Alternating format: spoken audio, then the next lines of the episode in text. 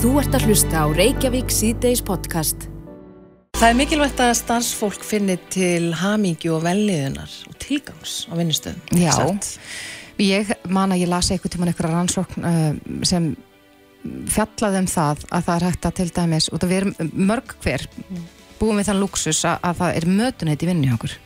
Já. Við Hver saknar ekki mötuneyti sinns? Ég, við, við erum náttúrulega með, sko við erum ekki með mötuneyti hér á þessum vinnustaf, við erum með veitingastað Já, já. og það er dásamlega matur og, og rannsóknir sína að þetta til dæmis eigur hamingju inn á vinnustöðum að, að bara að fólk fá gott að borða. Já, ég get alveg máli. trúið því. Já, en eins og segir, þá, þá skiptir þetta virkilega miklu máli Já. að maður sé gladur í því sem maður er að gera og sé ekki einhvern veginn að harka af sér í vinnu sem að, að manni finnst ekki uh, Nákvæmlega. skemmtileg. Og metina velleikum og annað slíkt. Akkurat. En við erum, við kynntum senda manni, Híðin Sveinbjörnsson, Mhm. hann er meðlumir í samtöku sem kalla sér Chief Happiness Officers, það sem hann fór á námskeið árið 2019 Já, og hann ber nú titilinn aðal hamingustjóri. Og hvað er það? akkurat.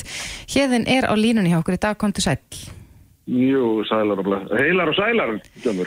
Já, sæll verð þú og mér skilst að þú sért mjög sæll. Já, ég reynir það allavega því að mér finnst uh, sólaþingurinn er ekki þess virði að maður er að, að, að horfa á alltaf hlýði neikvæða og svo framvegis. Ég reynir nú að finna svona ljósupunktana í lífinu og tilverunni. En, en það er ekki þar með sagt að ég sé alltaf hamingisamur og með bros og vörð. Þú veist, það getur enginn verið hannig. En, en það er svona hægt að gera ímislegt til þess að sjá lífið í ljósi þess, þess í hamingi ljósinu eða hvernig þú talar um það eða gleði, því að nú er það er nú svolítið sérstakt með okkar tungumál að, að, við eigum alltaf mörg orð um uh, útlönd orð eins og happiness er örglega til 20 skilgreiningar á af því þetta er náttúrulega huglegt orð. Og alveg svo veður afbreyðin, ég held að enginn hafi gert sér grein fyrir því, ég gerði mér allan ekki grein fyrir því fyrir ég kom hérna í, í Grundarfjörð að, að það var komið listaverk eh, hér eh, að, að, með 112 mismunandi nöfnum á veður afbreyðum. Já, þetta er nefnilega merkilegt. Íslenskan er, er lifandi og skemmtilegt tungumál. En Já. ég, ég verði eiginlega að byggja þau um að segja okkur eins uh, söguna af uh, þína sögu. Þú starfaðar áður sem fjármálastjóri hjá Reykjavíkborg en, en í raun og veru tókst uppeyju. Ég, ég gerði það heldur betur af því að ég var búin að vera semst í 12 ár að vinna sem uh, rekstarstjóri, skástilt fjármálastjóri í, í frístundamiðstöð og, og mjög skemmtileg starf, mjög lifandi, fjölbreytilegt og, og við vorum svona eh, glaði hópurinn, Eh, við vorum úlingarnir og börnin í, í, í skóla og frístasviði en svo bara kom að því að ég var komið svona Já, að leiðalokum, stress, uh, búin að auka, veist, drikju, stressaður, þú veist, bara leiðin, leiður bara almennt og, og, og svona og, og, langaði til þess að breyta um en kannski að því að maður er svona öryggisfíkill að þá, nei, ekki núna og þetta var 2016 og svo 2018 þá bara, já, ég er ekki komið nóg og nei, ég get ekki gert þetta núna og svo bara kom punkturinn og hjálpaði nú að hafa konuna með sér en, en, en hún sagði bara, já, já, farði nú að skila inn þessu brefi, uppsögnabrefinni. Þannig að ég bara skilaði inn uppsögnabrefi í, í miðjan februar 2020 og, og lítið vissi nú að því að það erði eitt ekki heimsfaraldur mánuði síðar en, en ég sagt, eh, stóð fast á mínu og ákvaða að hætta og ætlaði bara að láta svona lífið á tilverun að stjórna því hvað ég myndi gera og, og það vildi svo til að, að vinur minn og gammal skólabróður á veitingastað í Grundafyrði sem heitir Bjargasteinn og við vorum eitthvað að tjata á netinu í daginn og hann sagðist uh, valda starfsfólk og ég alveg, ó, gunnar á ég að mæta? Og, og ég byrjaði semst á Bjargasteinni 10. júli 2020 og, og eigandin hefur séð eftir því síðan en ég er nú einna ennþá. Því að þetta er bara, þetta var uppeyjan mín og, og, og þetta með að fara á eitthvað námskeið í því sem að er kallað Chief Happiness Officer að, að bara uppgöta heilan heim af einhverju nýju og það er mjög nálgun og maður getur gert eitthvað skemmtilegt eða sem sagt aftur þarna kemur skemmtilegt eða þetta er hugulegt. Og, og bara kynnast fullt af fólki erlendis og það er veist, með það sama að, að, sko, sama stefnu mál að, að bara skoða þessi mál og, og fylgja hjartan En segð okkur hans hérðin frá þessum samtökum, hvernig tengist, hvernig, hvernig tengist þú þeim? Sko í rauninni þegar ég fer á þetta námskeið þá hittir maður hérna, fólk sem er svona líkur sækir líkan heim og, og svo getur maður skráð því og borga bara félagskjald og, og svo erum við bara með styrk frá hvort öðru og við sækjum mikið í hvort annað efni, nálgun, rannsóknir og svona þannig að og þetta er náttúrulega, sko, það síndi sig náttúrulega í, í heimsfaradurum hvað netið er upplugt og hvað getur samin að fólk mm -hmm. og, og, og þetta þú veist bara hvað, hvað það er gott að vera með aðra og þetta er, við erum ekki eiga, þú veist, jújú, jú, við erum eiga en, en guðminn góður hvað við gætum haft áhrif og þetta, maður hefur nú gengið í gegnum þetta síðan ég hætti og það var einmitt maður sem sagði, við veitum, akkur allar einskorðaði bara við Ísland við getum meira ef við viljum það Já. Við þurfum bara að gera á réttan hátt kannski. En sko, margir, ég, ég efast ekki um það að margir sem er að hlusta og, og heyra því segja söguna því að þú, já, kannski yfirgafst öryggið sem er fólki því að vinna sem fjármálaðar ekstrastjóri hjá Reykjavíkuborg og, og ferða þjóna á, á grundaferði. Um, er, er ástæða til að óttast svona eða, eða trúur því að, að já, lífið bara leiði þig á þann stað sem átt að vera á? Já, ég, því að ég náttúrulega var í þessu að, að ég var hættur og það var veist, hvað gerist og hvernig svona óttinn. En svo um leið og ég auðvitað nötræði ég þegar ég aðfendi uppsagnabriði mm -hmm. af því að ég sko náttúrulega var að gera eitthvað, þetta var stórt skref. En þegar þetta svo fyndið svona eftir á að þegar ég settist aftur í stólinn minn að ég svona það var eins og að þokan bara svona að róða þess til og ég alveg heyrðu, já, ég er náttúrulega búið til hlaðvarp, ég geti nú gert svona hlaðvarp og ég geti gert þetta og ég gerir svona og það, það er svona þetta forkvæðina þegar eitt glöggi lokast og opnast annar eða þegar eina dyr lokast og opnast aðrar þú veist mm -hmm. þetta að bara möguleikarnir ég gaf mér lausan tauminn og en auðvita er náttúrulega, við erum drifin á peningum, við verðum náttúrulega að fá peninga og, og til þess að lifa mm -hmm. En, en ég held að, að, og það er oft þetta, hvernig foreldrarnir kannski, ég er nú kannski að fyrir kynslu þegar var sagt að maður ætti bara verða eitthvað og svo eftir 20 ári við komum til starfi að þá bara, já, mér langaði nú eiginlega bara verða eitthvað allt annað, sko. Það, það var bara, þá var þetta svona foreldradrifin ósk af því að, að samanbæra fókbóltaðabönnin, þú veist, að maður, að allir hefur stjórnir í Englandi í fólkválta. Mm -hmm. En, en Kjeðin, sko, ég myndist aðeins á það hérna áðan að ég las eitthvað tíman greinum það að, að eh, bara það að fólk borðið góðan mat í vinnunum getur aukið haminguna eða gleðin hennar vinnustanum. Heldur þú að, að, að við séum nægilega mikið að skoða þessa luti í fyrirtækjamenningu hér á landi? Að fólk sé hamingu samt í vinnunni? Ég held að við þurfum bara, já sko, ég held að við séum búin að vera ágætlega framalega í þessu en ég held að sko miða við það sem að ég upplýði í þessum starfsánægi könnunum hjá Reykjavíkborg að, að svona, margar góðar og þarfar spurningar en, en máli var bara, svo var kannski eitthvað málefni sem að þurft að taka á í dag en svo kannski sex mánuðin setna eftir þú svaraði og þá var allt í nátt að fara að gera eitthvað, þá var lungu lifið sagt, þetta skilur, að, að, hvað er það að gera í dag fyrir fólk? Jú, matur er eitt. Uh, svo er talað um að við þurfum að fara í núvitund, við þurfum að vera svo mikið í núvitund, en það hjálpar kannski bara stutt. Af því að ef að þú ert ekki tilbúin líka til þess að fara í þessa vinnu, þá náttúrulega skiptir þetta einhver máli. En þú veist, þú, þið í ykkar starfi, kemur fórstjórn til eitthvað að segja, heyrðu, ég hlusta á þáttinni kæri, mikið rosalega var þetta gott efni sem þú voru með.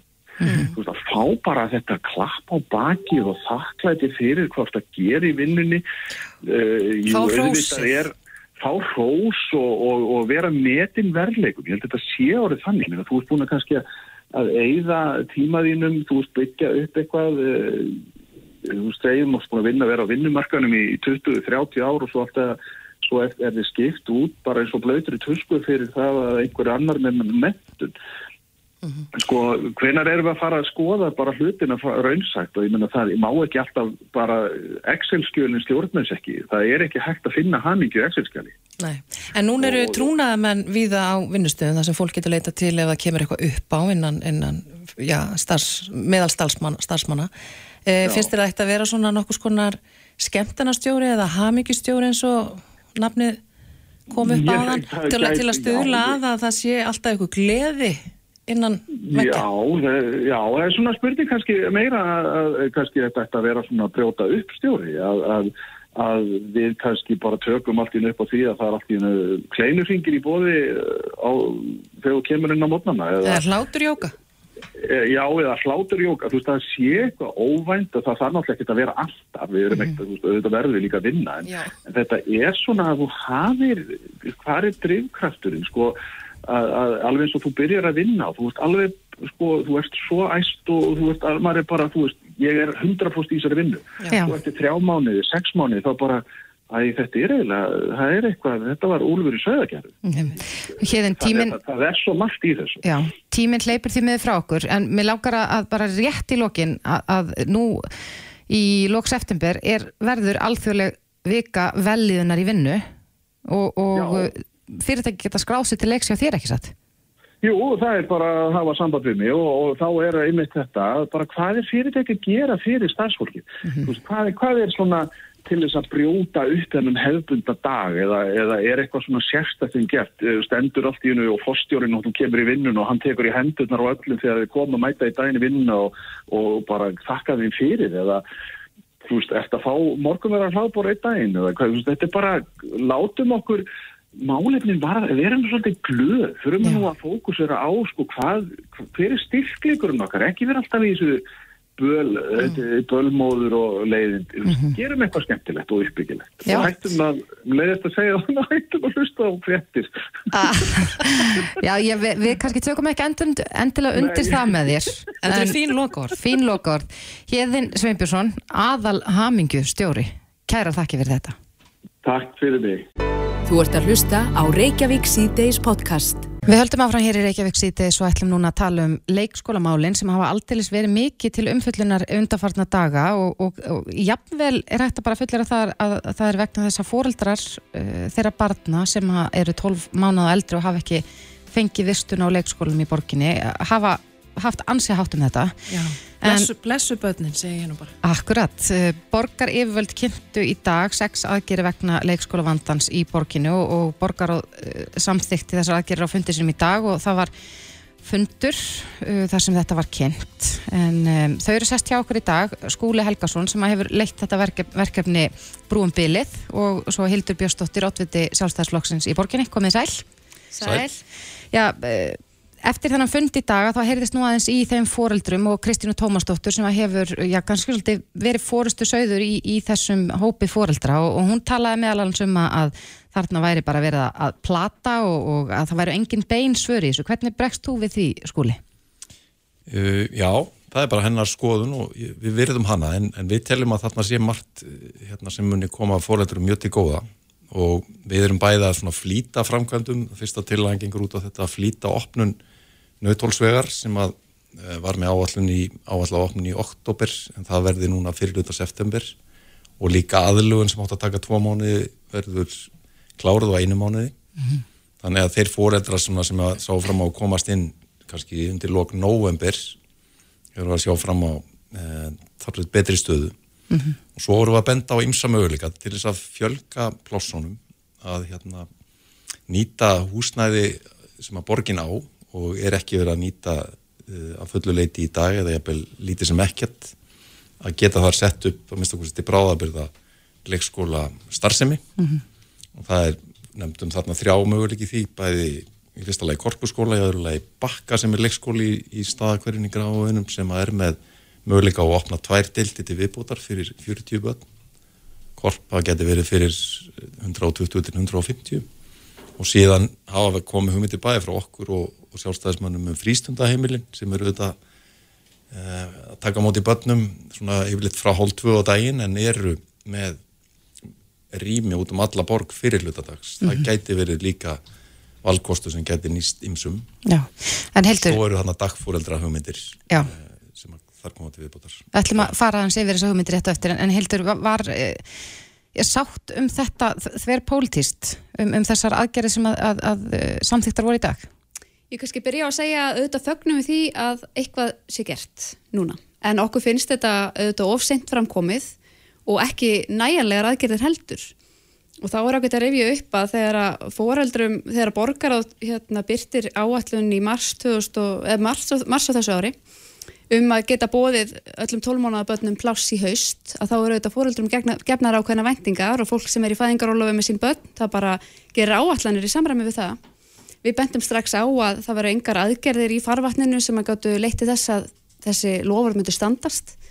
Uh, Það kom svo í ljósi byrjun í júni og, og hérna, fulltrúar frá skóla og frístundasviði komið fram og sögðu við munum ekki ná að standa við þessi lofvorð og ég er svo hissa á því að líka nýr meiri hlutir sem ég myndi halda stutti eftir kostningar verið alveg fullur og eldmóði að fara að taka til höndunum skildi ekki hafa bröðist við strax og farið svolítið í það í sumar að leita að lausna, að það mm -hmm. hafi í rauninni ekkert verið gert fyrir en örvæntinga for, fulli foreldrar fylltur áþúsið og það er auðvitað rosalega vond að sjá að það þurfi til til að fólk fari og, og leita lausna en ég menna auðvitað þarna eru kynnta sex lausnir og, og, og sex tillögur svona mér finnst svolítið skorta kannski hérna, skýrar tíma áallanir skýrar áallanir um hvernig við ætlum að manna þetta eh, hvað þýðir þetta nákvæmlega fyrir bygglistana við erum líka að horfa á mikla batna fjölgun á næstu árum þannig að við erum að fara að horfa á og við þurfum að fjölga leikskólaplásum mun frekar og mun meira en við höfum kannski áður áðgert ef að spár ganga eftir.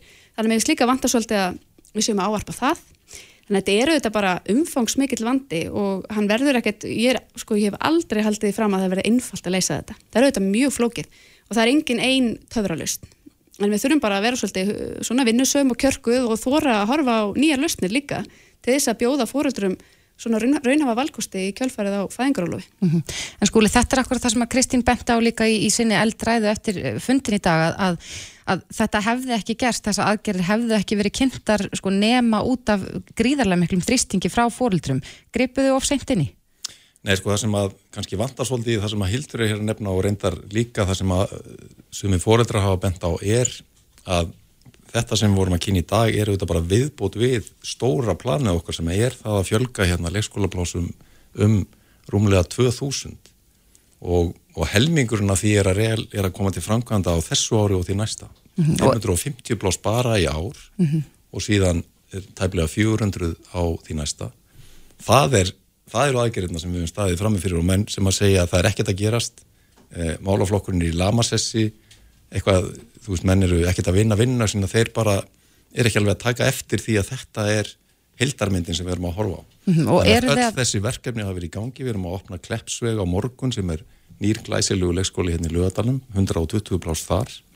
Það er verið að opna nautólsvegin í september. Við erum að opna hérna, eh, Hagaborgina og Múlaborgina í oktober. Við erum að opna nýjan leikskóla í Vogabygð í november, desember. Mm -hmm. Þannig að skiljið, þetta en, er stóra mál og þetta er bara starra en hér hefur verið gert í borginni í, í háa hennast tíð, marga ára tíu. Já, en það hefur líka verið kallað eftir því að við lítum til þess eins og Hildur benti á að, að já, börnin verða bara fleiri og fleiri. Er það að horfa á þetta til langs tíma, 10-15 ár fram í tíman, þannig að, að ef að áfram heldur sem horfir að, að leikskólabörn verði fleiri, að við, við lendum ekki þessum sama vanda aftur? Já, sko, það er hérna, það sem við höfum gert í þessu verkefni er í raun og veru það um leið og við sáum það mitt fram á barnafjölgun sem að var alveg í kortónum 2020 að við værim að fá hérna, herri fæðingatíðinni í fyrra og síðan gerist það sama á þessu ári og þá fórum við strax að stað í stýruhófnum og sögðum þetta upprunlega áallunum með eitthvað 7-800 pláss, hún er bara úr lítil við þurfum miklu meira til þess að mæta þörfinni uh. -huh. það var það sem að Hildur var að vísa ég var kynnt í mars það, þá var búið að stækka planið um helmingi eða tvöfaldaða í rauninni og núna erum við að rauninni segja að við þurfum uh, að ganga ennþá lengra en við viljum líka gangast við því að vissulega voru reistar reist fyrirheit og gefin út á form um að við næðum að fara nýri tólmána á, á þessu hausti í mars og okkur ber skilda til þess að gera allt sem við getum til þess að mæta þeirrim töfum þannig að fóreldrar byrja eins lítinn skaða og mögulegt er. Þannig að við erum að planistendur, við erum með sömu markmið og viljum koma núna einn til þess að, að lámarka tjóni fyrir fóröldræðu svo má segja. Já, en hver er þá, bara rétt, hver er þá raunverulega staðan? Við erum með um, fjölmörg börn, 12 mánu eldri sem að, já, byggust við því að fá pláss núni í haust. Hvena verða öll þessi börn komin með pláss? Liggur það fyrir? Er, við vitum að stærðagráðan er kringum 660 börn, 12 mánu eldri sem við erum með umsóknir fyrir með að við fyrsta september. Mm og, og við þurfum að hérna, við erum að setja inn í kerfi núna 550 á öllu þessu ári þessar aðgerir í dag ef að, ef að þær falli í góðan jarfi, ef að foreldrar segja já við viljum nýta þessu úrræði sem við vorum að kynna, þá getur það verið að bæta við 350-400 plásum þannig að við erum að, að ná held ég langlegana með þessu.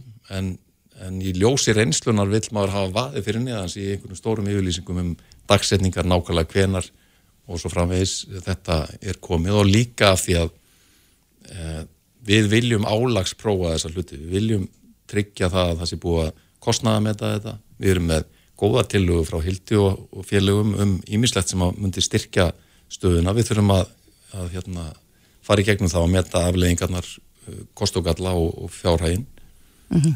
og þannig að já, ég held að við, við hérna, þurfum aðeins lengri tíma áður en við getum sett það niður nákvæmlega. Já, en heldur nú, myndist skúli aðeins á það hérna áðana að það talaðum um já, að hækka greiðslu til dagfóreldra um, er, er þetta til að sem kom frá ykkur?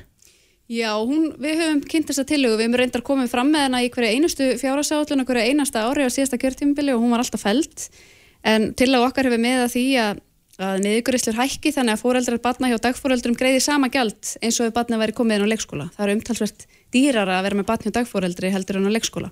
Þannig við fögnum því auðvitað að það, hérna, því sé tekið svona jákvætt núna.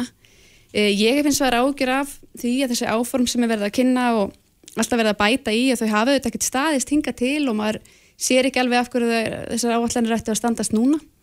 E, það er ekkert mál að reysa hér fjöldan allan af leikskólabyggingum en svo er eins og verið stærsta vandamáli er alltaf mönnunavandamálið og það er að ná að manna þessa leikskóla og það er rosalega flókið og mér finnst skorta svolítið svona uh, alvöru áallanir um hvernig við hefum að gera það. Og ég er ekki að segja að það verði einfalt en ég vil sjá einhverjar áallanir og þegar þessar áallanir sem skúli nefnir og ég vil þó að uh, svona plás, plásum hafi fjölgað í hérna mars í þessum áallanum og þá samt sem áður erum við ekki að horfa á til næstu fjögur ára þessa mannfjöldaspá sem að maður hefur á að veða auðvitað fagnar því að raungerist að hér fjölgi fólki og, og börnum. En við munum ekki ná að þjónusta þau að því að áallanir okkar og, og plön ger ekki ráð fyrir því. Mm -hmm. þannig að við munum horfa fram á óttasteg umfangs meiri vanda. Og á sama tíma ekki, er okkur ekki að takast að útskrifa náumarga leikskólakennara úr námi til þess að geta staðið undir svona gæðakröfum sem löggjöfinn setur á okkur og sem við gerum til leikskólan okkar Þannig að staðan eins og niður núna, þegar börnum fjölgar svona svakalega hratt, eh, við erum ekki að ná að menta næla marga til að gegna þessum störfum. Við þurfum bara að fara að hugsa upp á nýtt.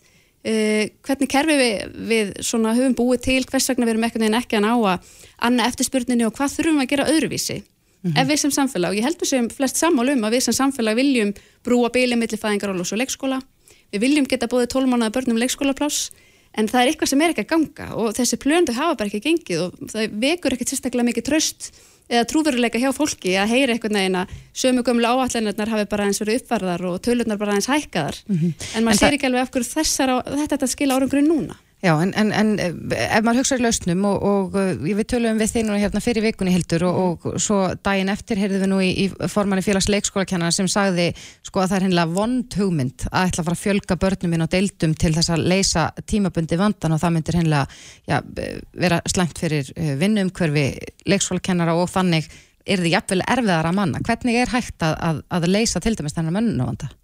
Það er auðvitað bara gríðilega flóki verkefni og það er eitthvað sem að, hérna, hefur auðvitað verið unnið í með mentamálaráðunitunum og síðustu árum hvernig svona hvetjum fólk til að fara í þetta nám. Ég held að mætti tala starfið á leikskólunum meira upp, mista svolítið tala niður og ég held að sé ekki mjög hvetjandi fyrir fólk að fara í námi þegar það heyri sífælt eitthvað neginn fréttir af því í fjölmjölum að það sé ómögulegt. Já, svo er það mm -hmm. einn mingill að þetta og, og mér finnst líka þurfa sko, meiri hluti þeirra sem að starfa á leikskólanum okkar er svo kallað ófæglegt starfsfólk það er starfsfólk sem hefur ekki farið í gegnum leikskólakennarannámið en kemur kannski með eitthvað annað að borðinu, hefur jafnvel lært eitthvað í tónlist eða listum eða íþróttum eða bara eitthvað aðra hérna, sálfræðigráðu eða eitthvað hvaða nú er og mér finnst svolítið mega líka lifta þessu fólku upp og gefa því svolítið svona kredit fyrir allt sem þau er að gera fyrir leikskólan okkar og geta aukað mjög skólastarfið. Mm -hmm. Þannig að ég hef svolítið bara í gegnum árin kallað eftir þessu.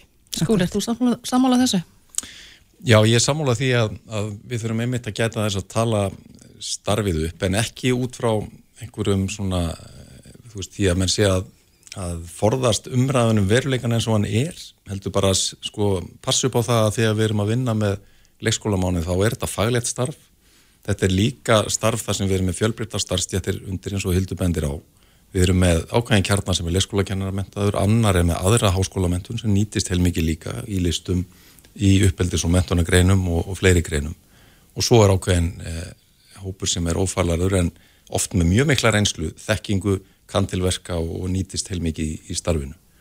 Um, hvað höfum við gert til dæmis á borginni til þess að mæta því að við erum mjög of fáa sem útskrifast sem er sannlega rétt og kannski stærsta vandamáli í þessu kerfi núna undanfærin 20 ár. Við höfum lagt mjög mikla áherslu á það að bæta vinnu umhverfið, gera starfið og starfsvettvangin meira aðlagandi með því að hækka launin, með því að draga úr álægi, með því að sagt, fækka börnum í hverju rými er svo maður segja í gömlu leikskólunum mm -hmm. með því að fjölga starfsfólki á tveimur elstu deildónum og margar, margar fleiri eh, aðgerir bæta framlög í, í fagstarfið eh, styrkja námsleifi eða fjölga námsleifum þannig að maður geti aflað sér viðbúta mentunar mm -hmm. um, fjármagn í liðseldarvinnu og margt fleira. Hildar vermiðan á þessu yfir fjóri miljardar sem að borginu við fjárfæsti þessu og ég held að, að ég vilji taka eitthvað of mikið kredit af því fyrir borgina þá held ég að þetta sé eitt af því sem að hafi skipt máli varandi það að ungd fólk hefur verið að sækja meiri mentuna mm -hmm. en líka það sem ríkið hefur gert góðar aðgerið sem að ráðanditi stóð fyrir og kynningar herrferð háskólan og margt fleira.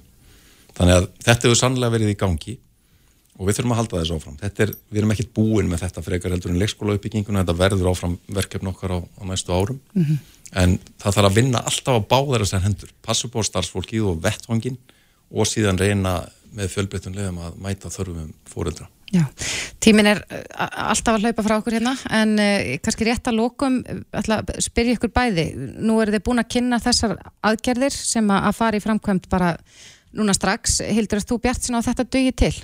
Já, við sjálfstæðismenn höfum lagt sjálffram tólf til auðra aðgerðum líka á dögunum og, og þökkum fyrir það að þær hafa nú fengið svona nokkuð jákvæðar viðtökur hjá meiri hlutanum, þær hafa náttúrulega ekki fengið afgreðslu en þær fara inn í þessa vinnu og það eru lausnir sem snúað mönnun eða bara nýjum lausnum í leikskólum eins og við árum kannski fleiri fóraldar að rekna leikskóla, sjálfstætt starfandi leikskóla, að vinnustæðir geti opnað daggæslu, svona lausnir þannig að hérna, ég bara hlakka til vinnunar framöndan og hún verður krefjandi og við höfum alltaf verið reyði búin í samtal og samvinnu af því að það sem skiptir mestu máli er bara fólk fái pláss fyrir börni sín mm -hmm.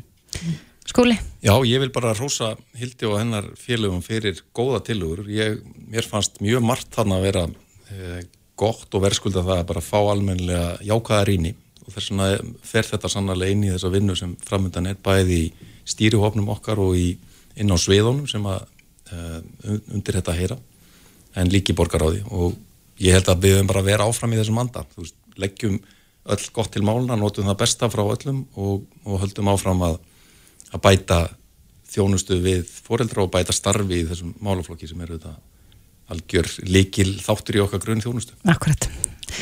Skúli Helgarsson og Hildur Björnstóttir, kæra þakki fyrir komuna. Takk fyrir. Þetta er Reykjavík C-Days podcast. Sorry. Hér þættir mikið ær rættu við, við eh, forman eh, samtaka uh, skattgreðenda aðeins um tekjublaðið sem kom út í dag og maður hefur þetta séð á flestum vefmiðlum að þá er, er að byrtast fréttir svona hægt og síðandi af, af öllum þeim sem að, að fréttir upp úr þessu blaði og út af mm. álækningarsæðlunum og, og var áhugavert sem hann saði og hefur sagt áður að hann saði sko að það er ekki einu svona í hans huga mm -hmm. munur á því að, að fólk sé að rína í tekjur uh, með að við að bara vera að rína í sjúgraskrar fyrir fólki, hann vil náttúrulega bara þetta séu persónu uh, upplýsingar sem eru varða persónuvernd. Já, hún finnst þetta eitthvað tímaskekkja, þetta blað. En miða við allar þessar fréttir sem er að berast úr þessu blaði og, og ég er búin að sjá blaði á fleirin einum stað í dag að þá er greinlega áhugið fyrir þessu og hann er sæstur hjá okkur, Trausti Hafleðarsson reittstjóri viðskiptablasins og frjálsar Vestlunar, kom til sæl. Sæl. Já, finnir þið mikinn áhuga á þessu þegar blaði kemur út? Já, já, við finnum mikinn áhuga og þetta er blaði sem er bara, þú veist, unnið á mjög skamum tíma. Mm -hmm uh, krefst mikils undibúnings á hérna okkar hálfu mm -hmm. af því að við erum að búa til langa lista og síðan þurfum við að fara niður í skatt og þetta er í rauninni eins og gerðaðurinn var hjá okkur að þá fer bara hópur af fólki frá okkur niður í skatt klugan áttu morgunin og blæðið farið í prentum klugan nýjum kvöldi Já, þannig að þið eru bara Þannig að þetta er bara unnið á, þú veist, þessum tíma. Já, Og það er ástæða fyrir því að ástæðan er svo að, að það er mikill áhuga á, á, á þessu bara strax um leið og þetta kemur út. Og þetta er pínu þannig að blaðið selst alveg gríðarlega vel þessa fyrstu daga sem það kemur í búðir. Er þetta aðalega til fyrirtækja? Það er ekki einstaklinga mikið að kaupa þetta. Þetta eru fyrirtæki sem kaupa þessi blöð. Nei, nei, þetta er einstaklingar líka. Alveg, alveg hérna, fullt af einstaklingum sem að kaupa þetta. Því að þetta er til sölu, ég meina, veist, þetta er sölu í öllum beslum, krónunni bónus og Akkurat. alls þar, einhverju bensinstöðum og svona, sko. en, en þið, það, það er einungis leifilegt er það ekki að selja þetta í skamman tíma Jú, það er eitthvað svona ákveðin er- Jú, það er bara lagarami utanum það, þannig að þetta má bara vera í hillum uh, veslana í tvær ykkur. Já. En, en nú er spurning sem að ég held að margir velti fyrir sér hvernig veljiði, hverjir byrtast í blæðinu Uh, sko, útgáðufélag viðskiptablasins kaupir frjálsa veslun fyrir nokkrum árum síðan. Því fylgdi bara lista fólki, skilur, sem að uh, forverið minn hefur valið og vantarlega hefur þetta byrjað þannig að þú fer bara yfir skattskrásnar og uh, siktar út þá sem eru með háatekjur. Þú kannski punkta niður hjá því fórstjóra fyrirtækja, næstráðendur og einhverja slíka. Uh, sjómenn og annað. Síðan vindur þetta bara upp á sig og þegar við erum að vinna þetta þá erum við alltaf á útkekinu eftir sko nýjum nöfnum og, og þegar við erum að fara yfir listan og við sjáum einhvern sem er með háa tekjur og er ekki á listanum hjá okkur að þá er hún bara bætt við. Akkurat. En er sniðugt að vera að byrta svona tölur og laun? Og er þessar tölur alveg réttar sem þið fáið aðgang? uh, sko þessar, þessar tölur reiknaðar út frá útsvari.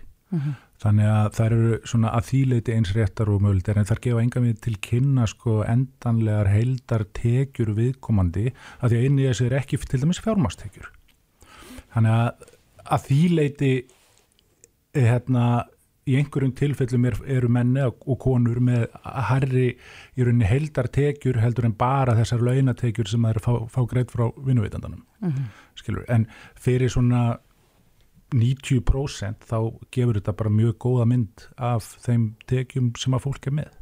Heldur og, og þú spyrir hvort þetta væri hérna, sniðugt eða? Já, er þetta sniðugt? Er ég réttlætanlegt að að, vera? ég held að til dæmis viðmælindi ykkar er ekki gær. Já, já, hún er- þykir þetta ekki sniðugt. Nei, og, hérna, og ég skilur það við og ég menna að það eru margir þeirra skoðunar að, að hérna, þó ég myndi náttúrulega aldrei líka þessu eins og hann gerði þó ég haf ekki hlusta á viðtali við uh, Sjúkraskrár? að- Ég kík í sjúkraskrár með eins nú stigsmunur þar á milli. En hérna en ábyrðin náttúrulega í þessu máli likur fyrst og síðast bara hjá ríkisvaldinu. Þú veist ríkisvaldur ákveð, ríkisvaldur ákveður að hafa þessar skrár opnar ég, þú og allir getum farið niður í skatt og skoðað það sem við viljum, við getum verið þar bara í marga daga þess vegna að flett upp tekjum á hinum og þessum, nágrannanum þeim sem að situr við hliðinu og er í vinnunni. Ég held reyndar að þetta blað sé að einhverju leiti uh, höfðar til forhandi fólks og þá einfallega út frá, út frá því prinsipi sem við þekkjum verið í blaðamenn sko að fólk hefur áhuga fólki. Já, og fólk hefur náttúrulega mjög mikið áhuga á þessu. Akkurat. En síðan er líka bara einhver hópur sem að notar þetta sem eitthvað tæki í sinni kjarabaróttu og vil miða sig við sko, skoða býtu hvað er fólk í sömu stjætt í sama fyrirtæki að hafa í tekjur miða við mig. Já, þannig að þetta veldur óróa á meðal fólk sem að er að sjá að En það er að kannski fá innan miklu- fyrirtæki ákveðin svona Já, ég meina, ef að, ef að þið komist að því að þú veist, einhver sem er að vinna nákvæmlega sama starf og þú ert með tvöfell laun, er þá ekki bara eðlilegt að spyrjir hérna vinnuðandiðin að því? Já, akkurat. En, en já, þú segir að það er algengt að fólk er kannski svona að bera sig saman við held- starfstjettir. Ég held það. Þannig að við opnum blaði hérna og kíkjum bara beint í fjölmjöla hlutan. Já, akkurat. Í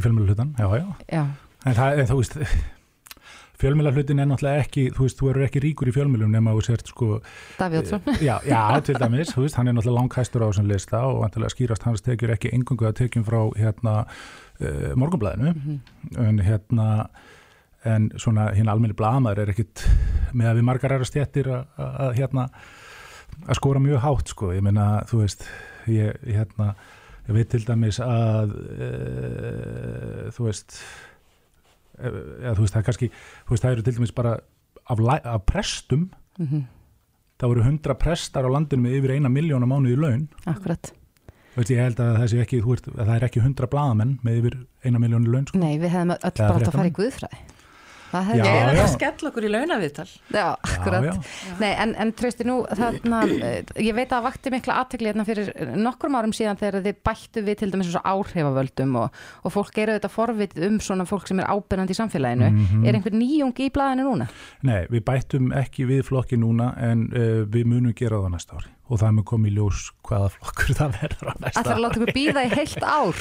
Já, ég meina, þú veist svona, ég er með ákveðna hugmyndir um það. Ég meina, hérna, á meðan að þetta er opið og, og, og þetta er leifilegt að gera þetta þá, hérna, verður við náttúrulega bara verið í takt við tíman og reyna og áhrifavalda hérna, listin er bara hluti af því. Allt í einu eru þeir mjög ábyrrandi í samfélaginu og það er eða að spyrja sig veist, hvað eru áhrifavaldar að hafa upp á krafsinu? Það kemur hérna í ljós í okkar blaði að við erum með lista við 60 áhrifavalda og launin eru frá 26.000 krónum við 1,4 miljón þannig að ég veit ekki hvað lifir að 26.000 krónum en, en, en, og helmingur þeirra er undir lámaslaunum eblingar þannig að hérna Það mætti mögulega draga það álíktuna að kann- eitthvað er ekki gefið upp til Já, skatts eða hvað. kannski eru þeir að hafa tekjur einhver staðar annar staðar Já, mjög líklega, þetta er eitthvað í hjáverkum. Já, þetta er áhu- áhugavert um, og þetta er margir sem að gaggrina þetta en, en þið haldið bara áfram, eh, haldið ykkar streikja á meðan að, að ríkisvaldi setur þessu reglur. Já, ég meina þetta Og, og meðan áhugin er svona mikill. Já, ég meina áinn og þessu mun aldrei dvína neitt sko, þú veist Nei. við sjáum það bara þegar blæði fyrir í Veslanir og við sjáum það bara á þeim fréttum sem að settar eru inn á fjölmila og það eru nú bara, þú veist, all, það eru allir fjölmila landsins að setja þetta inn, Já.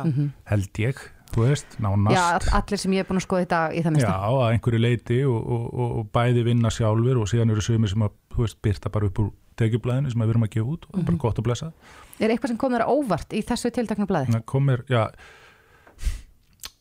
það komir kannski pínu á óvart hver er tekjuhæsti íslendingurinn. Já, má gefa það. Og hver var það? Já, jú, það er hérna eh, sko, fyrirvændi fórstjóri uh, LS Retail sem er hugbúnað fyrirtæki sem heitir Magnús Steinar Nordal. Uh, hann var með 117 miljónir í maður rétt. Hluti að því skýrist á sölu fyrirtækisins í fyrra og kaupréttum sem hann og aðri starfsmenn fengu. Uh, ég segi þetta koma óvart að því að þú veist, uh, annar maður uh, sem að hérna hefur mikið verið í umræðinni Haraldur Þorlesson sem að seldi UN og er núna yfirmæri á Twitter þú veist, ég svona bjóstu að hann væri hæstur því að það hefur mikið verið fjallað um hann og, og, og hérna það hvernig hann ákvaða að greiða skatt og skildur af öllu því sem hann fekk frá við söluna á fyrirtækinu sinu. Akkurat.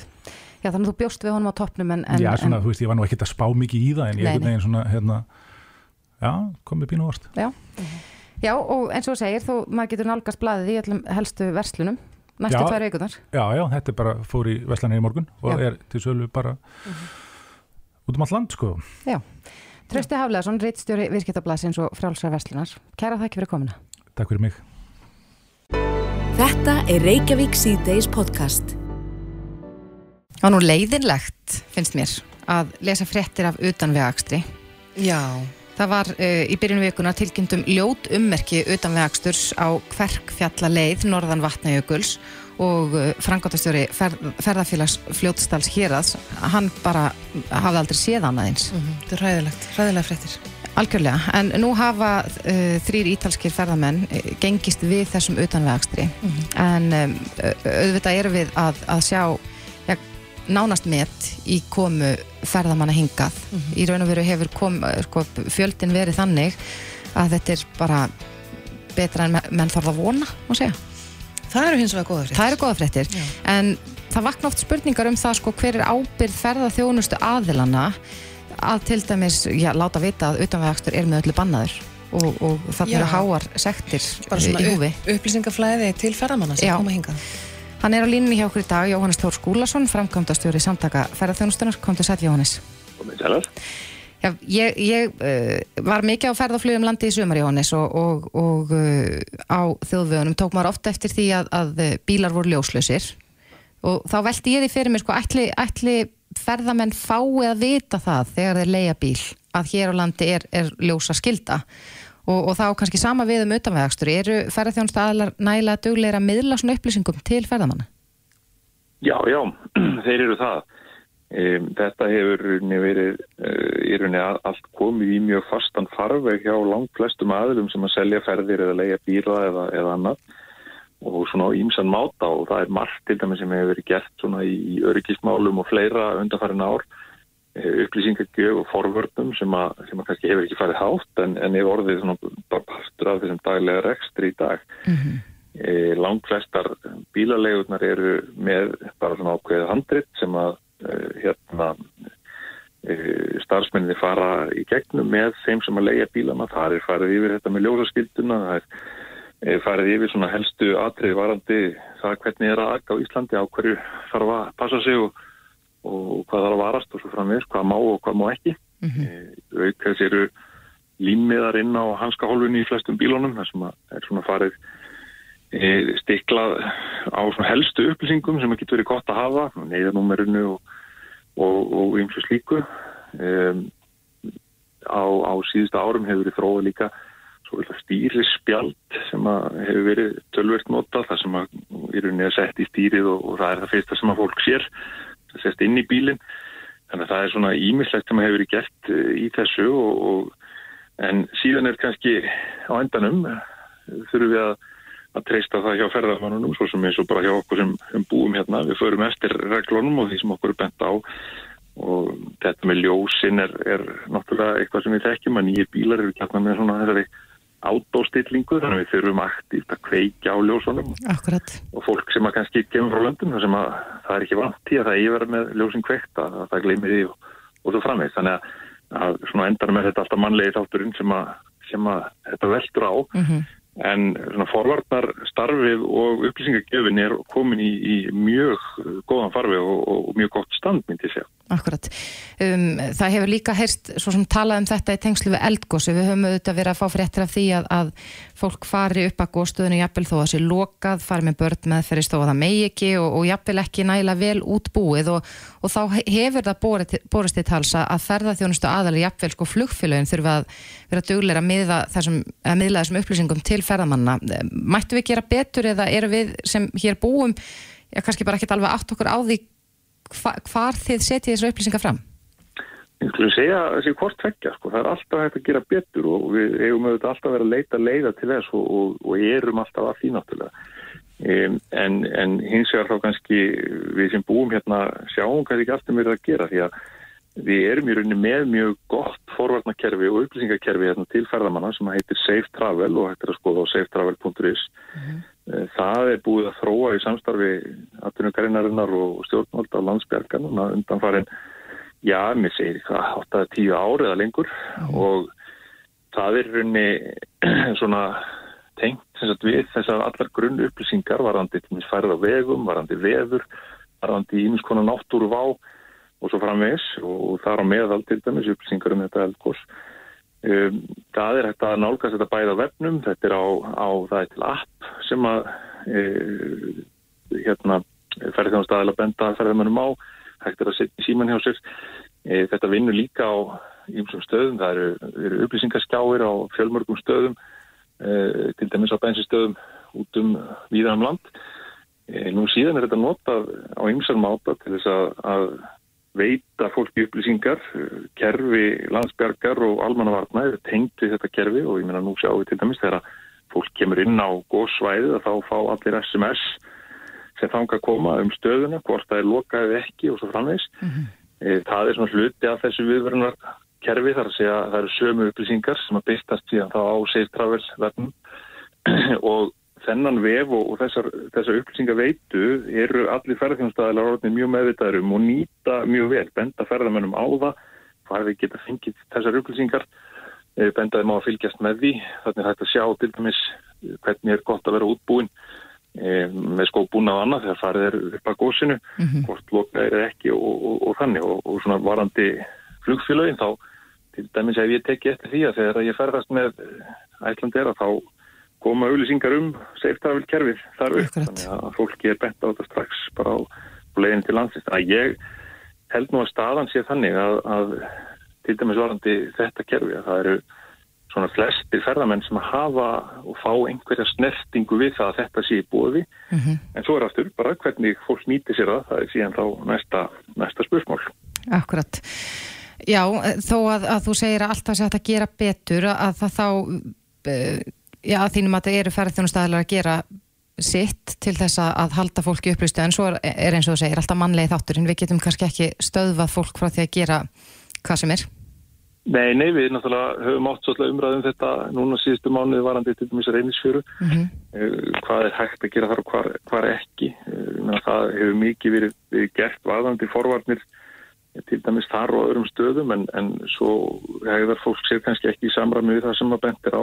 Við sjáum það sama með hann utanvega höstur hvort sem þar er um að ræða Íslandinga, útlendinga, fólk veit kannski að þetta má ekki en, en svo ber frestingin fólk ofurliði um, eða átt að sikja á því hvað það er að gera. Þannig að það er svona alltaf, alltaf vandamálfaldið en, en það er alltaf hægt að gera betur í þessu á einhvern máta og það er náttúrulega okkar hlutastarinn að finna út úr því og eitt af því sem ég er svona aðeins búin að skoða eru, eru auglýsingar fyrirtækjana, ferðarfjónstu fyrirtækjana sem er að selja ferðir að gósinu og í þeim kemur mjög gerðan fram að bara strax í auglýsingunni á Facebook eða, eða verð fyrirtækjana þarna þurfum við að vera vel skóaðir fólk þurfa að vera vel skóa, það er jáfnvel sagt að það sé skilirði mm -hmm. á leiðinni.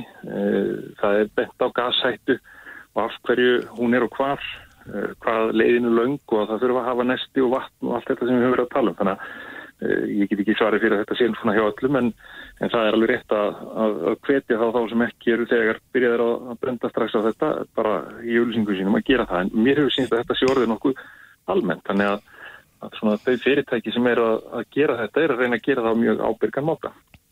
En hvað með svona eins og uh, sektir fyrir ferðamenn Nú hefur heist að, eh, já, hraðabrót, umfæralagabrót, þau hafa verið fælt niður, þar sem ferðarmenn hafa verið að keira hratt og, og hvað eins og með þetta að keira utan vega, uh, ber ferðarmennum þá að greiða þessa segt? Já, já, það er náttúrulega í þessu tilfelli eins og öllu og það er sá sem, er, er, sá sem brítur lögin hann á að borga sektina eh, og eh, það, er, það er alveg klárt og skiptir einhver hvort það er, er ferðarmenn eða, eða íbúar landsins. Nei. Eh, það sem hefur valdið þessari umræðum um, um hraðasektirna til dæmis er fyrst og fremst bara vandkvæði við að rukka svona sektargreðslu þegar það koma með mjög koma mjög langt eftir á. Ég vil segja að ferðamennir farnir af landinu þá getur fyllt í tölvöld vesin og kostnaður að hafa upp á þeim. Mm -hmm. þetta er ekki jafn auðvelt og fólk einhvern veginn heldur stundum að bílalegan geti bara rukka þetta vikum eða mánuðum eftir á Já, margar þeirra eru til dæmis, já það sem eru með tengingu við, við ja, eh, eru erlendarlegur sem eru með stöðvar hér eða í tegnslum við stærri fyrirtækjælendis, það er fá, eru með kerfi sem að það sem að korta upplýsingarnir reynir bara hverfa þegar að eftir ákveðin tíma þegar að, þegar að legan er búin og við komum að færa hann á landinu. Mm -hmm. Skilmálir, skilmálar korta fyrirtækjana eru líka þannig að það er e, eh, tiltölega e, eh, auðvelt að hafna bara einfallega greiðslum sem að koma svona eftir á, með löngum, löngum eftir á skýringum. Þannig að það er svona ímislegt í því sem að, sem að þarf þá að horfa betur til og í rauninni þarf að gera, gera þannig og ekki að það gerist með, í rauninni nánast í svona rauntíma að þessar greiðslu komi inn. Þannig að, að konin gerir sér grein fyrir því fyrir hvað er verið að, sekta og, og hann í að greiða þess að sekt og þetta er svo sem ekki sér íslenskt fyrirbæri, þetta er við það í heiminum, þetta er ekki alveg alveg einfalt mál en, en hérna, þetta er nú vonandi að færast betri við og hefur við að, verið að gera það. Já, það er augljóst að það er í mörg hortna líta þegar maður uh, lítur til ferðamanna hér á landi en uh, Jóhannes Þór Skúlason, frangvandastjóri í samtaka ferðarþjónustunars, kærast ekki fyrir þetta. Takk, takk. Reykjavík síðdeis á Bilginni podcast er í bóði Pálsson fasteignarsölu. Heima er best. Þá er komið að fastegna fréttum, fastum lið á 50 dögum, hér er Reykjavík sítiðis og hann er sestur hjá okkur, Pál Pálsson, fastegnarsæli. En einu sinni. Konta sæl. Sælar. Já, Pál, getur við kannski byrja aðeins að, við ætlum að fara að tala um mjög, mjög verðugt umræðafni hérna í dag, mm -hmm. sem eru, eru svona nokkur uh, góður ráð til þess að gera eignina mann sölu vænleiri, mm -hmm. en hins vegar þá, þá rákust á fréttir í dag að, mm -hmm. já, landsbankin segir að aðgerið Sælabankans til að stemma stíu á fastegnumarkarum séu farnan að hafa áhrif. Mm -hmm. Við erum að sjá já, minni hækkun, mm -hmm. ekki satt. Þetta eru jákvæði fréttir. Við sáum hækkun í júlimánuð upp á rúmlega 1% sem að ég er minni hækkun heldur en hefur verið, þó það hafi verið hækkun en ég var persónulega alveg að búist við því að við myndum sjá jafnvel bara annarkvort bara 0 eða jafnvel smá hækkun -hmm. vegna þess að við fastinasalar, flestir sem ég þekki við vorum allir að upplifa pínu stíplu í júlimániði um, hluta til náttúrulega út af þessum aðgjörnum bankans, sælabankans uh, auðvitað vitum við það að það hafa aldrei verið jafnmargir íslendingar í útlöndum eins og var í júlimáni, maður fann það bara umferð og fleira, þannig að en við fundum það að það var farramætti hópið hús og svo framvegis. Mm -hmm. og uh, svo náttúrulega önnu vaksta ákverðun núna í næstu viku mm -hmm. og flestir er að spá einhverju hækkum þá en uh, og uh, já þannig, og það er náttúrulega frambóða fastinum er aukast líka. Akkurat. við erum búin að vera að sjá kannski 2, 3, 400 eignir til sölu núna í 1-2 ár.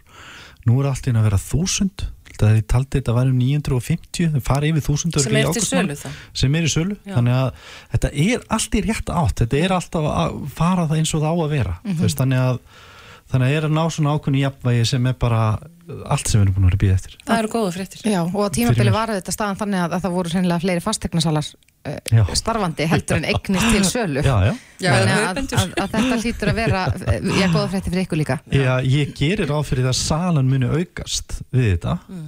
Og hérna en þessi upplifin að fólk sjáu kannski 20, 30, 40 manns í opið hús og 5, 10, 15 tilbúð eignir seljast yfir 5 og 10 miljónir yfir auðlistverð ég upplifi það að það hvað maður segja, það tímabild það, þau brjálaði svo vitlisa mm. er einhvern veginn svona upphæð er svona, einhvern veginn að sjá það tímabild ljúka í bíla minnst að kosti mm. bara vonandi mm. Bjartari tímar framöndan í, í mínum hugar að þannig Já En, en nú eru eflaust margir, eins og mm. þú mhm. segir, núna er að aukast á sölusgrám, uh, margir sem að ætla að fara að selja eða Einmitt. breyta um, um húsnæði, minka við sér, mhm. stekka við sér eitthvað slíkt og, og maður veldir oft fyrir sér. Hvað getur maður gert áður en maður heldur opið hús, bara til þess að gera eignina aðeins sko, físilegri kost fyrir sér? Já. Er það ekki nummer eitt taka til? Það er mikilvægt, það er mjög mikilvægt og ég segi bara oft bara Já. Og bara ganga mjög langt í því og ég segi svona 25-30% árangrunum að góðri sölu, það er að segja hversu rættegni selst og hvað mm. verðun selst hefur með undirbúningin að gera mm. og uh, til dæmis bara það að þegar við sjálfar upplifum það að vera að skoða fastegni með kaup í huga Já.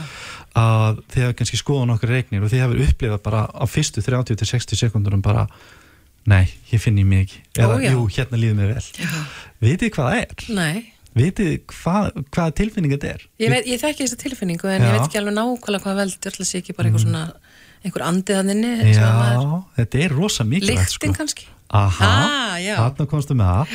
Það eru svona tveir punktar. Sem að sko að maður með sér búið að rannsaka þetta sko. Að þú veist hvað er það sem þú veldur? Þú lappar inn bara vá hér á ég heima. Það eru svona tveir þættir. Það er líkt ef það er bara vondreikingalikt eða einhvers líklikt mm. að þá hefur það áhrif. Uh, margir lítið að það sem tækifæri. Þau veitir, að ná verðinu nýður og svo framvís uh, hinn er byrta mm. það er að segja að kaupandi sem lappar inn í eignin ykkar eða bara eigni á seljanda hann er alltaf að vonast til þess að hann lappar, eða viðkomandi lappar inn í öll rými 5-10 rými, öll herbyggi, baðherbyggi og svo framvegis og það vonast til þess að öll rýmin séu svolítið opinn og björnt og þegar það vera undibúið eign fyrir sölu og það þarf náttúrulega að hugsa svolítið í rímunum og það þarf að hugsa líka svolítið svona, það þarf að undibú eignum svolítið fyrir kaupandan mm. ekki fyrir sjálfa sig annað sem fólk eru að vonast eftir þegar þú veist að ef að fólk lappar inn í rímu og þessi opið og bjart að sko miklar bókahillur mikið að dóti, óna og borðum og svo framvís eiga sko hausin og heilin á manni til með að mikka rýmin mm. þannig að það þarf svolítið bara hreinlega ofta að byrja að pakka Já Ég var eins og viðstöld sko þegar það, sko vinafólk var að selja íbúð mm. og það kemur aðna ljósmyndari frá fastegna miðlun mm. og hann fer að taka myndir og það var svo mhm. gaman að sjá hvað hann vildi ná á myndan. Já, hann færði þetta til þennan stól og það gerði gæfi munin þannig að það er líklega þetta líka sem að skipti máli, það er byrtan og ekki oflæðið að dóti. Ná, það er málið, Já. það þarf að létta á eigninu það þarf að, og ég segi stundum bara það þarf að breyta heimili fyrir síningrús þó það sé hægt að vera með öfgar í því þú veist, ég er ekki til þess að þeirri skoðun að ég taka myndir Nei. af bara myndir af björnunum og, og, og heimilinu vegna þess að það má ekki vera sko, heimili verður vera hlýtt það mhm. verður að taka utanum hann má ekki vera ofstyrrilt það má ekki vera ofstyrrilt mm -hmm. það má ekki vera ofmikil síningar en myndatakan, uh -huh. það er okkur kemur því, uh -huh. það er gríðarlega mikilvægt það er bara að séu góða myndir Já. og ekki spara þann pening að láta bara fagljósmyndra hann er ekki, þeir eru ekki dýrir og láta bara góða fagljósmyndra að taka myndirnar. Já þegar við sem erum að skoða sko fastegna vefin mm. við erum mjög fljótur að hætta við, æ nei, ekki áhuga ef að myndirnar er ekki að selja við neitt sko. þannig að myndirna skipta miklu máli Já, myndirna eru bara eins og fyrirsagnir fyrir bláðan veist, það er bara það fyrsta sem þú sér þú meira segja þegar þú ert að, með eign mm. og þú kannski farið 15-20 myndir að svo flettir í gegnum myndina þá getur ein ljósmynd sem er léleg, hún getur fælt frá Já. hún getur verið nót til þess að viðkomandi hugsa með sér, bara einna eða hugsa með sér nei, ég vil ekki fara Já, en, en sko, ég myndist nú á þetta við um daginn líka mm -hmm. en, mhm. en það bara fyrir henni í taugarnar mér að opna fastegnauðlýsingar í dag og það er allt tekið á svo mikil viðlinsu að maður áttar alveg á því og ekki rýmið er ekki svona opið og bjart nei, en, en það hlýtur að hafa þá lappar það síðan inn í rýmið ákveður að fara í opið hús út frá mm -hmm. þessum myndum lappar inn í rýmið mm -hmm og þá verður þau fyrir vonbröð þá bara upplifur það íbúðin eða rýmið þessi miklu miklu minna heldur en það sást á myndunum sko. Já þannig að ætti fólk kannski að vara að sjá þessum blessuð viðlinsu Sko þetta er ekki viljandi gert þetta er, ég veit, ég rætti þetta einu svona við ljósmyndaran sem að ég vísa mest á og hann sagði stundum er það bara þannig að þegar maður er að taka mynda einhverju rými eins og til dæmis batherbyggi mm -hmm. að sko með einni venjulegri mynd þú veist, vegna þess að hann vil kannski ná mynd af öllu baðherbygginu og einni ljósmynd, mm -hmm. þá reynir kannski á viðlinsuna. Mm -hmm. Ef að ljósmyndin gefur ekki rétta myndaríminu þá í flestum tilvöldum þá bara notum hann ekki mm. en auðvitað getur einhver laðstein og ég veit að menn er að vanda sig flesti fastanarsalýsi en þekki að er að vanda sig fyrir þetta og við reynum að sjálfsögðu að hafa myndirnar á pari veiknina að sjálfsögðu mm. en stundum má hún líka vera örlíti flottari vegna það er svo mikilvægt að fá fólk ennum hurðina ah, Akkurat, að mæta opið hús að mæta opið hús eða í að, aðra sölusýningu sko. mm -hmm. þannig að sko undibúningurinn Uh, aðkoman, bara garðurinn og allt þetta Já, aðkoma skiptir líka miklu skiptir óslulega miklu máli vegna þess að það gerist líka sérstaklega út í sérbílum að þú er kannski búin að setja einhvern veginn í sölu allt innum fyrir að sjá trafík fyrir utan hér mm. bara, þú veist, fólk aðeins á ísrúndunum og skoða í leiðinni, er þetta ekki sem hendar eða ekki? Og það bara strax fljótt að dæma. Mm -hmm. og annað sem fólk vonast til, kaupendur, svona að hugsa ómeðvitað þegar það er að skoða fastegn það er alltaf ómeðvitað fattar það ekki að það er að hugsa hvað er að og hvað þarf ég að gera. Einhverjum ástæðum, þetta er alltaf ég að fyndið að ég geti bara að skoða þetta sjálf næstir ég farið opið hús. Það lappa einhverjum öllum, það lappa allir að glugga mm. þannig ég segi það verður að vera gott aðgengi á öllum gluggum mm. að einhverjum, vegna þess að það er náttúrulega 90% rakamyndun í húsum koma í kringum, í kringum glugga og uh, sem er náttúrulega eitt þáttunum sem skiptir greiðlega miklu máli að þegar að kaupandi er að lappa inn í eignin ykkar eða veist, þess sem er að selja þá er hann alltaf að líka vonast til ekki bara það að öll rýmis í opnum björn þá er hann í undirmeðund alltaf að hugsa hvað er að mm -hmm. og hvað þarf ég að gera mm -hmm. og því meira sem er að og það skiptir ekki máli hversu stort eða lítið það er því fjær því er viðkomandi að gera tilbóð mm. ef hann er að gera tilbóð þá mun hann bjóða þessi niður. Já.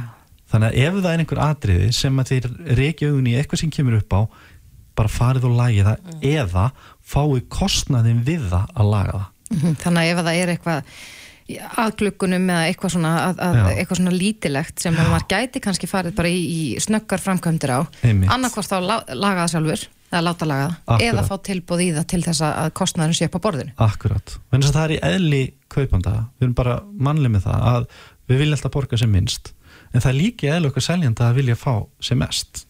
Einmitt. þannig að hérna, það er svona skiptir þessi undirbúningur og ef það er eitthvað svona eins og þú segir Þórtís ef það er eitthvað sem er að og ef það er ekki viðræðanlegt getur ekki gert þetta sjálf, farið ekki fólki í þetta fáðu þá allavega verðhugmynd í það. Mm -hmm. Og meiri segja þó þessi stórættir segjum svo að þau bara, það komið tíma að skipta um skolpið, ringdu þá í tvo þrjá aðeila fáðu verðaði, þó er ekki náttúrulega bara verð bil, þannig að þú ert allavega með svörin. En þess að kaupandun hugsa alltaf já, heyri, þetta kostar alltaf svona mikið sem er kannski meira heldur en kostar í raunveruleika mm. Þannig að það er að kíkja á glukka, aðtöfa með móðamilli glærja, mm -hmm. spurja með skólpdrén Akkurat Uh, hvað með ramag þak, já. Ramag, ramagstabla og lagnagrind, ég segi alltaf fólk að skoða það líka sem kaupendur sko. Og að sjálfsögðu seljendur hafa náttúrulega fara yfir það mm áður en settir í sölu þannig að bara sörunin er staðar. Ég ofti ekki eftir að fólk er að banka svona í veggi svona að tjekka á hvort að, er það eitthvað? Um, er það ekki oftast bara ef fólk er að hugsa um að rífa niður veggi átakvort séu burðaveggir og, og fleira? Það er mjög algengt og spyr oft sko, er þetta burðaveggur eða eitthvað mm -hmm. slíkt? Við höfum nefndur pínu gaman að því, sko, sérstaklega mungu fólki, það kemur oft svona ráðgjár með, sem er nöðsynlegt, sem er oft svona eldri menn, sem er alltaf með likla á poti allt, hvað er þetta likla menn? Já, og, hérna, og alltaf er að finna eitthvað sem er að, sko, til að tekka raka, sko. Mm. En það er gott hérna, að hafa eitt svona vinn, sko. Mjög nöðsynlegt, mjög nöðsynlegt, en ég segi líka að sem seljandi, það áttu líka bara að vera búin að vera tjekka á þessu og vera þá með öll sör Já. á hreinu uh, annað sem skiptir máli það er hérna hvernig eigninu verðlögð mm. það er hægt og þú veist, auðvitað er þannig að, að fólk um alls konar væntingur um að fá hitt og þetta fyrir eignuna sína. Fastegnarsali, flesti sem ég þekki að reynir náttúrulega bara vermið eins heiðal á hægtir og kemur þá með ráðgjöf. Uh, oft á tíðum, sérstaklega við þessar aðstæðu núna, þar sem að markarinn er kannski aðeins að flytjast út í verðækunum að væntingina skipta svo miklu máli, vegna þess að ofhátt verð getur ásett verð, mm -hmm. getur oft því að eftirspurnin er minni og tilbúðin verða til læri mm. þannig að, og allt til að taka raugraður við fasteinasalan, við ráðlegjum bara, við segjum bara ok, miða við fyrir sölur, miða við fermetraður í hverfi, mm. miða við samkynni sem er núna, þá ráðlegjum við þér að verðlegjana svona. Mm -hmm. Svo kemur ofta á móti, selja, nei, herru, ég vil þá þetta. Já. Prófar það, liggur í smá tíma og þá eru við öll sem kaupendur, mm. þá hugsaum við alltaf, herru, kannski er þetta að fá þetta einhvern góða verði. -hmm. Við erum öll eins með þetta. Já, þannig að, að réttverðalegning bara, eins og ég segi, eins hátt og hægt er en ekki það hátt að enginn að við séum að vel ekki okkur á markaðan þannig að enginn kom að spyrja um eignina. Akkurat. það getur mjög hættilegt líka. Já. Ég held að við komumst í mér ekki lengra sinni. Þetta er búin að vera mjög góð ráð og ég vona að hlustundur sem eru sjöluhuleðingum sé einhver nær. Mm. En Pál Pálsson, fasteignarsali Kæra þakki fyrir komin og við sjáumst í næstu viku. Takk fyrir mig, enn og eftir Fasteignarfrettir í Reykjavík síðdeis er í bóði Pálsson fasteignarsali Heima er best. Eins og við veitum Hlustaðu hvena sem er á Reykjavík C-Days podcast. Reykjavík búið á auðvitað ammal í dag. Ó, til hamingju. Já, til hamingju, heldur hún sé 236 ára. Getur það verið? Já, hérna hér Hún eldist þar sá ég þá nettinga. Hún eldist nokkuð vel. Já, mér finnst það. Já. En það er ímislegt að gerast uh, í miðbæri Reykjavíkur á lögadaginn. Mm -hmm. Það eru þetta bylgjan verið með gegja tónleika í hljómskólagarðinum. Alls konar uppákomur, það verður gott veður, það er fín spá. Já. Það lítur vel út. En við rákumst á spuna marathón Já, þetta er svolítið áhagast Já, uh, Improv Ísland er að, að snúa aftur með spuna marathón sem ég veit að vakti gríðarlega mikla lukku hér á árum áður og það hefur leiðið niður út af svollu þannig að, að það var ekki síðustu tvö ár Nei. en þær eru sesta hjá okkur í dag Gunnlöð Jónar Rúnarsdóttir og, og Sunna Björg Gunnarsdóttir frá Improv Ísland komið sælar Góðan daginn Góðan daginn Já, byrjum kannski á því uh, fyrir þá sem ekki þekkja, mm. hvað er spuni? bara yfir höfuð. Já, spunni er svona ákveðið grínform kannski, þetta segja það. Þetta er alltaf tengt um grín? Já, Já. þetta er, fókusin er svolítið að vera Nittinn og... Já, gera fyndið sko. Já, okay. en mjög mikilvægt að reyna samt ekki að vera fyndin. Það á að gerast svolítið svona á lífrennan hátt. Já, halda að feysinu mm. sem maður segir. Mm. Já, þetta mm. er svona, já, þetta er tengt við bara leiklist, þetta er svona á sviði, sviðisform. Mm og já, er grín Uppist hann þá? Nei, reynd ekki, við erum að spinna svona litlar, uh, lítið leikaritt Svona örsugur Já, já. já. Og þeir eru ekki búin að ákveða neitt fyrirfram veist, Er þið með einhverja fasta punkta áður en þið byrja að spinna? Mm, nei, reynd ekki. Nei. Það er ákveðin svona spuna form sem við förum eftir. Hver, hver, hver eru þau? til dæmis uh, Haraldur, það er eitt form sem heitir Haraldur. Aðalformið kannski. Aðalformið og svo þetta er form sem heitir uh, Follow the Fun eða uh, hérna, fylgja fjörinu á íslensku og, og það er svona, svo, svona umgjörð í rauninni já, sem við förum eftir. En já. allt annað er búið til bara á staðnum. Já, ég verði eða staldra aðeins við Harald. Já, ég var einmitt, ég var einmitt að hugsa um Harald líka. Já, þetta er mjög villandi fyrir bara fólk sem veit ekki hvað þetta er. Mm. en þetta kemur sérst frá New York. Um, The Harald Já, og þetta já. er svona bara ákveðin svona lang spunni mm. En, en á menninganótt verðið með marathón þetta byrjar klukkan þrjú um daginn og, og, og þeir eru bara mm. í spuna í marga klukkutíma Já, já. Þetta eru svo að 14 síningar á sjöklökkutímum. Það rúlar að hálf tíma fresti. Já. Einn í einu? E, já, eitt form í einu Eitt form í og einu. blandaðir hópar sem sagt. En getur hver sem er tekið þátt, eða hvernig er þetta? Nei, þetta við erum sem sagt svona 20 manns í leikhófnum sem, a, sem að skiptust á að, að vera saman upp á sviði um, í svona kannski aðeins minni hópum og já, þannig að þetta er alltaf svona á hálftíma fresti þá byrja ný síning og við fáum alls konar geggjaða gesti líka sem Mhm. koma og, og veit okkur innblástur Mhm. fyrir senur og svona Já, og einmitt við erum að sína mismunandi form yfir daginn bæði Harald og Follow og svo er, já, alls konar Þið getur ekki tekið smá dæmi fyrir okkur bara östutt með Harald. Er hægt að kveikja bara á, á spunanum hér og nú? Sko, Haraldur er svona 20 mynda 20 mynda form Já, og það þarf yfirleitt í Harald þá er yfirleitt allavega sex Já. leikarar, Já, það er hægt að gera það tveir það er mjög krefjandi Já. en ég kannski skora bara fólk á það að koma og, og, og Já, sjá, sjá á það þetta. í- á menninganótt Hafið þið eitthvað tíman lent í bara uh, mishefnum spuna? Já, já. Já. En það er í rauninni ekkert vittlust í spuna eða þú veist að við erum með einhver svona reglur sem við lærum og þjálfum okkur í Já. en svo bara gerum maður eitthvað. Já, það getur náttúrulega allt gerst Já. en það er samt líka hluti af sko góðu spuna liði og góðum spuna hópa ef einhver er eitthvað að klikka eða rugglast eða glemma sér að þá er, er þú veist, koma allir hinnir og grípa inn í sko, eða þú veist, hjálpa mann Mhm. hjálpa manni, grípa mann þannig að En þetta er svona ákveði viðtalsform þannig að það má kannski segja stundum að við þórti séum að taka spuna þegar við erum að taka viðmælendur eða eitthvað. Í rauninni Þannig að við tökum upp, já. Já, ég menna lífið er allt svolítið spunni. maður veit aldrei neitt Nei, maður veit ekki hvað En næst. maður er alltaf bara svolítið að improvæsa allt Já. sem að gerist Nefna svo erum við alls konar karakterum og við erum ekki sérst, komum ekki fram sem við sjálf. Nei, en eru þið búin að ákveða karakterina fyrirfram? Nei. það gerist alltaf stannum bara. Ég fæ svona smá svona óþæginda tilfinningu Já, með þetta svona þetta svo er alveg- rótleysi. Við náum ekki að ta- taka utan um þetta hérna. Nei, sko. þetta er alveg martröð fyrir flesta að bara vera upp á sviði og vita ekkert hvað þú ert að fara að gera, eða hvernig þú ert að fara að leika eða móti hverjum eða hvað er að fara að gerast Mhm.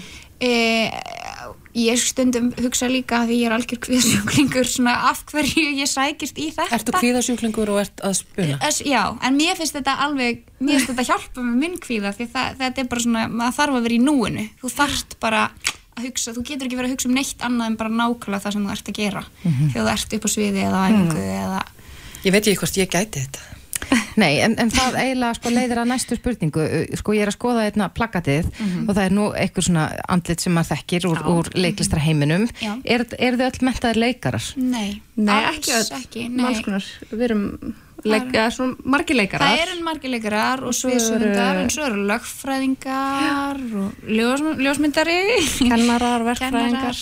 Kennarar, e, hagfræðingar það er bara, já, al, góð bland af alls konar fólki Já, þetta hljómar allavega eins og mjög áhugaverð viðburður og verður þarna í, já, nú er ég lélega að reikna, sjö klukkutíma? Já, Já, sjö klukkutíma bara, og Mér finnst þetta hljóma svolítið kás en mér finnst þetta samt áhugavert það er ekki illa meint sko. Já. þannig að ég þyrfti eiginlega að koma og, já, og sjá hvernig þetta virkar. Endilega. Þú eru að skella þér. Já, Það er mjög vel haldið utan um þetta þannig að áhorfundur verða ekki fyrir kás það geta alveg verið að við verðum Já, í já. Einhverju, einhverju kás Þið verðið í geðsræðingu á meðan að við áhörvendurnir bara erum að, að, að fá frábæra skemmtun? Já, Já. veistlu fyrir eirun Já, og augun og Já, skinnfærin öll Það má kannski nefna, við verðum með alveg mjög skemmtilega gesti. Þannig að Anna Svafa kemur Já. og Vili Netto og Vaff og S uppistandshópurinn ætlar að koma og gera spuna. Og Já. Kanar í hópurinn. Já, já. Og Eldkláru eftirsóttar og Donna, Donna Cruz Cruz og Álfgrímur Davíð Þór leikari Vala. Kristín leikana Já, hann hefur verið með Hljóma vel Já, Já, það það verður mjög skemmtlegt margt að sjá Svo sannlega menningar viðburður og þetta er í þjóðleikuskjallaranum, ekki Já. satt? Og frýttinn. Það er Já, frítin frítinn Þetta er ekki flókið. Gunnlu Jónar Rúnastóttir og Sunna Björg Gunnarsdóttir uh, frá Improv Ísland. Gangi ykkur vel. Takk fyrir fyrir Reykjavík síðdeis á Bilginni podcast.